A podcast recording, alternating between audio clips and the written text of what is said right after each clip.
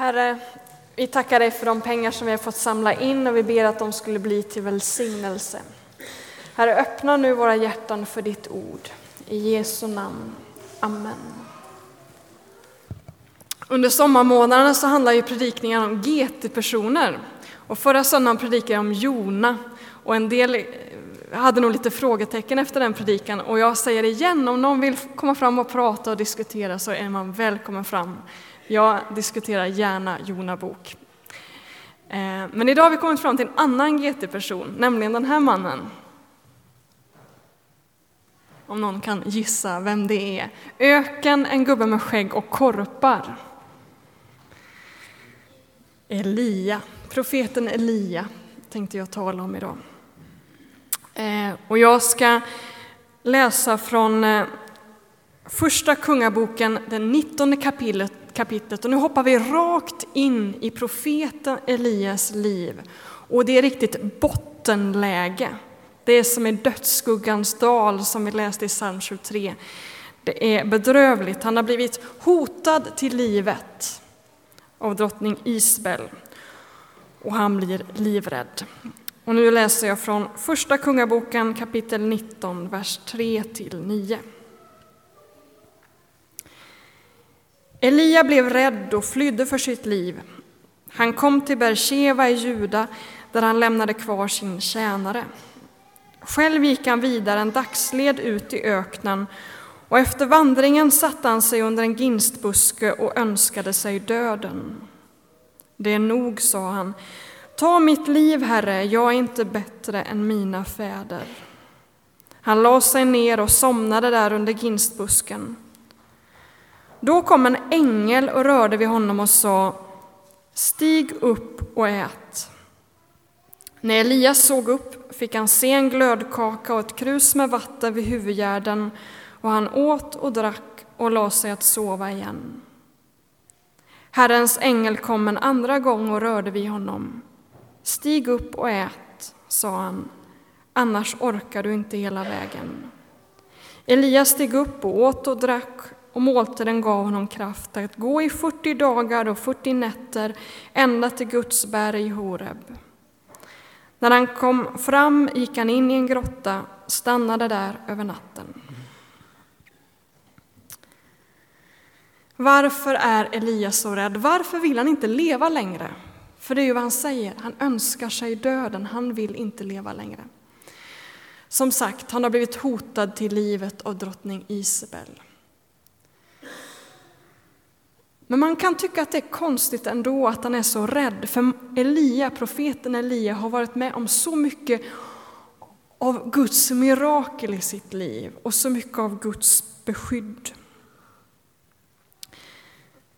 Profeten Elia möter vi första gången i Första Kungaboken kapitel 17. Då ska han gå till kung Achav, eller Ahab som han hette i den gamla översättningen, och, och konfrontera honom för att han och hans fru tillber avgudar. De har avfallit från, från tron på Israels Gud. Och han går det fylld med mod. Då är han inte rädd som vi nyss läste. Och sen så kommer en rad berättelser om mirakler och under. Elia får vara med och uppväcka en död. Elia får vara med om en rad bröd under. Alltså han får verkligen uppleva detta, att Gud är en herde i hans liv, att Gud tar hand om honom. Och precis innan den här berättelsen om när Elia går ut i öknen och önskar sig döden, då har han varit med om en stor profetduell. Han ensam mot flera hundra profeter som, som tillber Baal, en annan gud. Och så har de byggt upp två offer, offeraltare där, och så har de bett och väntat på att eld ska komma ner från himlen över det altare som, som, som hör till den sanne guden, den gud som finns på riktigt. Och elden kommer inte över off, Baals offret, utan den kommer över det offer som Elia framburit. Och det blir en stor seger och det är just detta som gör att Isabel blir så arg och vill döda Elia. Så Elia har fått se att Gud är den starka, att han är den största. Han har fått erfara Guds godhet. Och ändå går han ut i öknen. Han går ensam ut i öknen. Han lämnar sin tjänare som alltid är med honom och så går han själv ensam in i öknen. Och så lägger han sig där under en buske och önskar sig döden. Han vill inte leva längre. Men så kommer det en ängel, står det, och ger honom lite mat och vatten att dricka. Och han får sova lite. Och sen så reser han sig upp och så går han ännu längre in i öknen. 40 dagar och 40 nätter går han, står det. Mot Guds berg Horeb. Och är du en noggrann bibelläsare så har du märkt att Horeb och Sinaiberget är samma plats. Om man jämför Andra Mosebok och Femte Mosebok så ser man att, att det är samma plats. Antingen är Sinaiberg en slags område och Horeb är ett speciell plats i det här området, man vet inte. Men, men det var i alla fall på berget Horeb som Gud kallade Mose. Ni vet när han sa att nu ska du gå och befria mitt folk från Egypten. Där var det Mose blev kallad. Och i berget Horeb så var det där som Israels folk fick möta Gud i en syn av eld och jordbävningar och rök. Och det var vid Horeb som man fick ta emot lagtavlorna på ett väldigt mäktigt sätt. Och det var vid Horeb som Mose fick se Gud på ryggen. Alltså vid Horeb, där uppenbarar sig Gud och det är dit som Elia går för att möta Gud.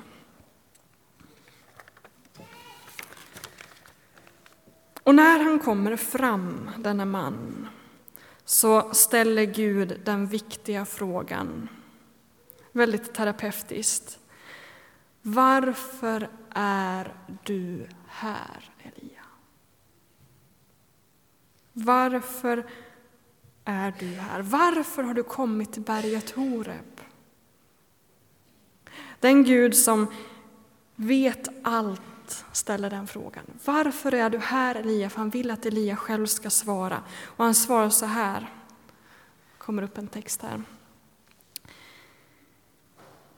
Jag har gjort mitt yttersta för Herren, härskarornas Gud. Israeliterna har övergett ditt förbund, rivit ner dina altare, dödat dina profeter med svärd. Och jag är ensam kvar, och nu står det efter mitt liv. Alltså jag är, jag är ensam. Jag är ensam. Och jag har alltid undrat när jag läst den här texten, alltså stämmer den här analysen? Elia verkligen ensam? För i kapitlet innan så möter han en man som heter Obadja. Och Obadja berättar för honom att han minsann har gömt undan hundra profeter i två grottor ute i öknen.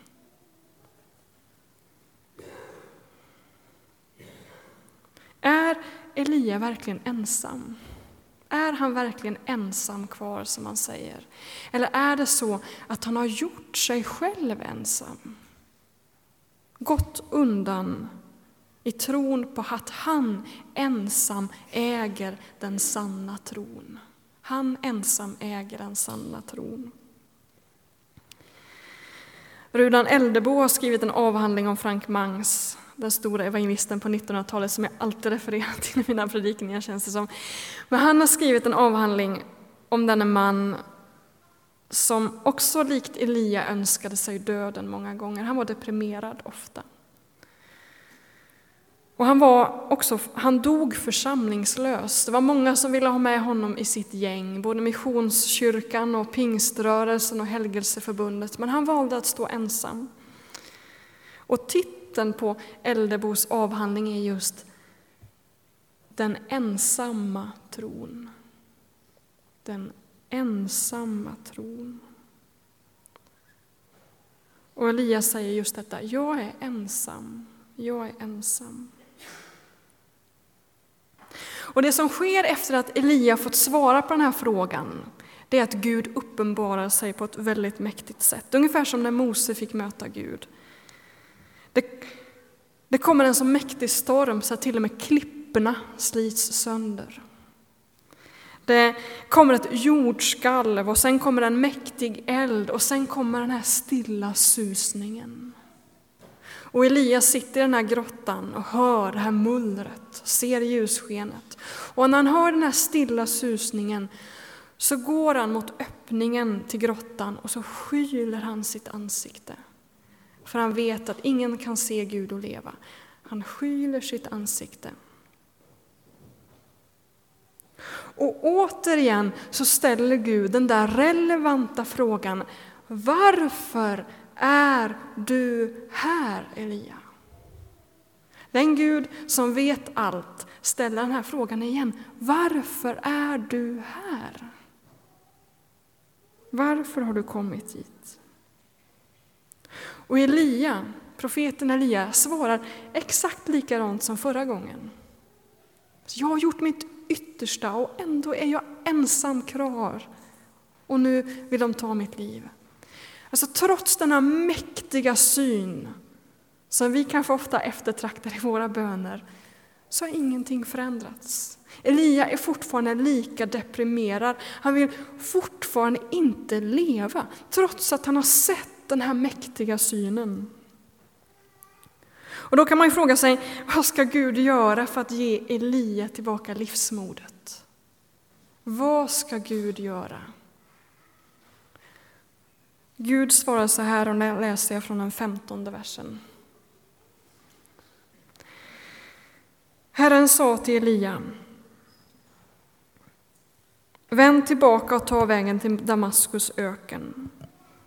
Gå in i staden och smörj Hassel till kung över Aram. Jehu Nimshis son ska du smörja till kung över Israel och Elisa, Shafats son från Avel Mechola, ska du smörja till profet efter dig. Den som undkommer Hassels svärd ska Jehu döda och den som undkommer Jehus svärd ska Elisa döda. Men jag ska lämna kvar 7000 i Israel, alla som inte har böjt knä för Baal eller kysst honom till hyllning. Alltså här säger Gud en massa saker som kanske var lite svårt att hänga med här, men man ska smörja två nya kungar, vilket kommer förändra säkerhetslägret för Elia. Men så påminner Gud honom om en sak, och det är Elia, du är inte ensam.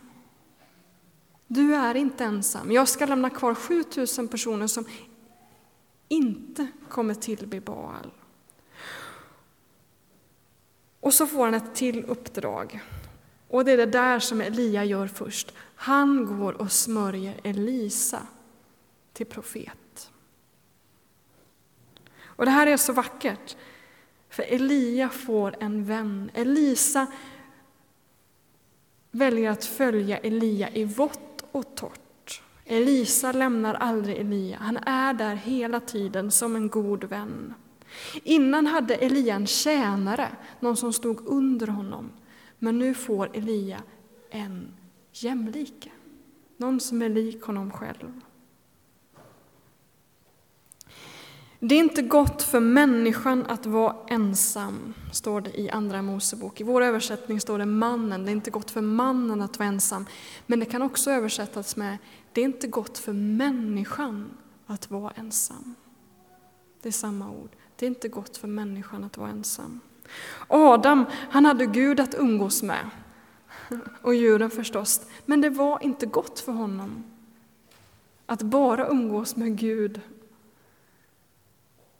Han behöver honom som är honom lik, någon som kan stå mitt för hans ansikte, som det står i grundtexten, alltså någon som är lik honom, någon som är hans jämlike. En del menar att kvinnan är underordnad mannen utifrån den texten för att det står att någon som kan vara honom till hjälp. Men det är en, en felaktig tolkning, för det här ordet hjälp sägs också om Gud. Alltså Gud är oss till hjälp. Gud vill ge Adam en jämlike, någon som är lik honom själv. Och det är precis vad Adam utbrister när Eva skapas. Om vi får en till textbild här. Den här gången är det ben av mina ben, kött av mitt kött. Alltså det är någon som är lik mig. En annan människa. Det är inte gott för människan att vara ensam. Och den här gången så ger Gud Elia en kollega, Elisa. Och senare i andra kungaboken, ska vi se var det var någonstans.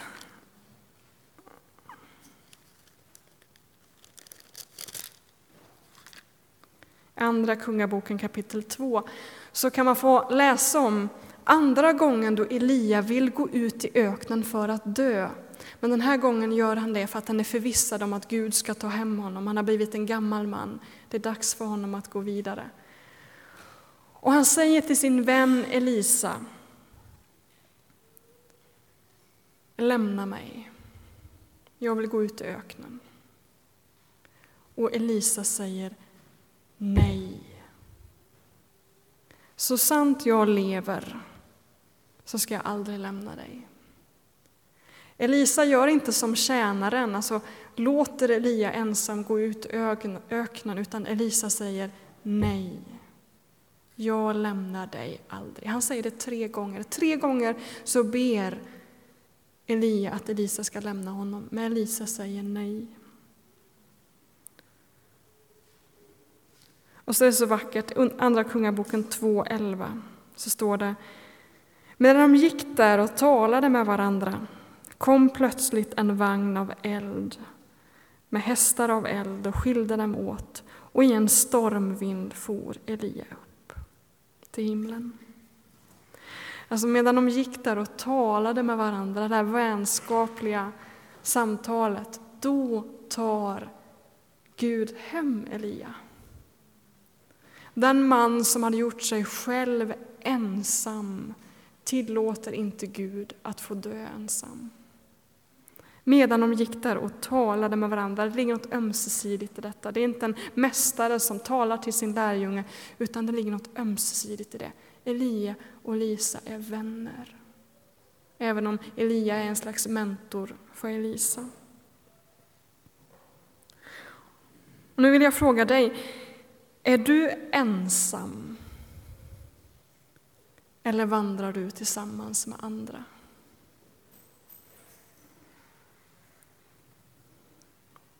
Är du ensam eller vandrar du tillsammans med andra? Visst kan ensamhet vara konstruktivt och fruktbart. Och man måste ha respekt ibland för de som vill vara ensamma. Man måste ge varandra det utrymmet. Men ibland kan det vara bra att likt Elisa säga nej. Jag tillåter inte dig att vara ensam. För jag vet att det inte är bra för dig, utan jag går med dig. Det är inte gott i längden för en människa att vara ensam. Frank Mangs fanns i många sammanhang, men han valde att stå utanför samfunden, utanför samlingsgemenskapen och till och med utanför familjelivet. Hans tro var ensam. Och trots det så var det så många som kunde känna igen sig i hans texter och predikningar. Så på så sätt så var han ju inte ensam. Det var många som kände det som han kände det, upplevde det som han upplevde. Frågan är, hade han gjort sig ensam? Och de senaste åren har Gud i mitt liv gång på gång påmint mig om just detta. Du får inte gå på lögnen som djävulen intalar dig att du är ensam. Att det är bara du som känner på det här sättet. Att det är bara du som tänker och tror på det här sättet. Djävulen på grekiska heter diabolos, det betyder den som sliter sönder. Det är vad fienden gör, det onda i vår värld. Sliter sönder gemenskaper, sliter vänner från varandra, splittrar den här världen. Diabolos, den som sliter sönder, den som gör människor ensamma. Gud är treenig, han är gemenskap. Och han är också den som skapar gemenskap, han skapar ett folk. Diabolos splittrar, Gud förenar, försonar. Därför, kämpa inte trons kamp ensam. Gör dig själv inte ensam, utan sök dig in, djupare in i gemenskapen, i församlingsgemenskapen. Berättelsen om Elia är alltså en berättelse om andlig vänskap. Och jag tror att ni som varit på Teen Street och ni som varit på Tillsammansläget och ni som har tillhört den här församlingen länge kan uppleva just detta, hur gott det är att få vara tillsammans med andra människor och hur nyttigt det är och vilken hjälp det är för tron att vara tillsammans med andra. Men jag tror också ni här inne har fått erfara hur smärtsamt gemenskap kan vara. Och det är ju för att vi är syndare. Och en syndare är en person som gör sig själv och andra illa. Och det kommer alltid vara så. Den här församlingen kommer aldrig bli syndfri. Den här gemenskapen kommer aldrig bli syndfri. Det kommer alltid finnas saker som splittrar, som, som förstör. Det kommer alltid finnas konflikter, gräl, osämja. Men trots detta så söker vi försoningen. Vi låter inte fienden vinna, utan vi tror och ber till en Gud som vill gemenskap. Därför försöker vi söka försoning mitt i, i de här splittringarna, i de här konflikterna. Gör dig själv inte ensam. Ställ dig inte utanför den här gemenskapen och säg att de där är en avfällingar. Jag är minsann ensam kvar i den sanna tron. Alltså det är en lögn.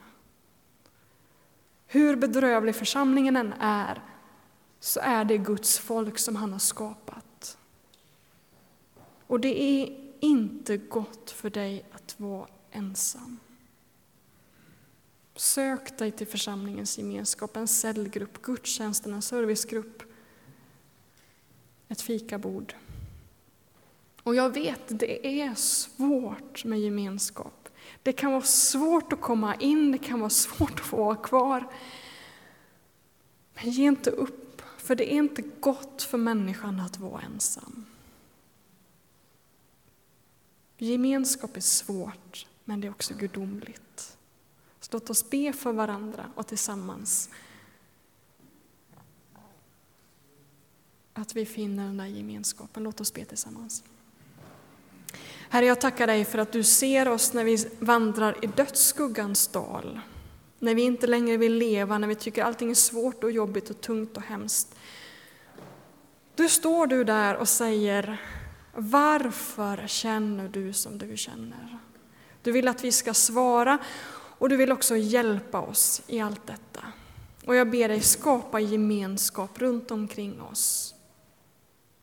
Hjälp oss att vara goda mot varandra, att, att att verka för försoning. Hjälp oss att vara en öppen famn för den som hungrar efter gemenskap. Och Herre, förbarma dig över oss.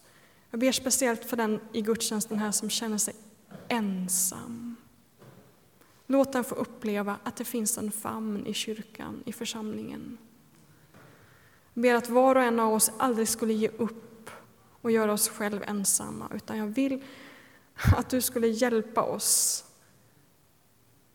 att ta det här med gemenskap på allvar. Välsigna vår församling. Välsigna den som ännu inte tillhör en församling som sitter här inne i den här gudstjänsten. Låt den få finna en gemenskap och en tro på dig. I Jesu Kristi namn. Amen. Nu ska vi sjunga några lovsånger tillsammans. Och då kan du om du vill falla på knä inför korset du kan få tända ett ljus i ljusbäraren om du vill. Du kan få söka förbön.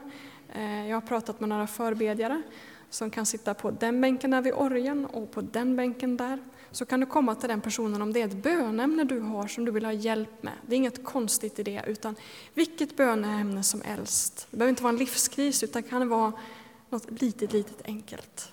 Eller bara säga, be för mig, välsigna mig, jag vill inte nämna vad det är. Så kom fram hit. Sök Gud och sök också varandra. Sök dig in i gemenskapen.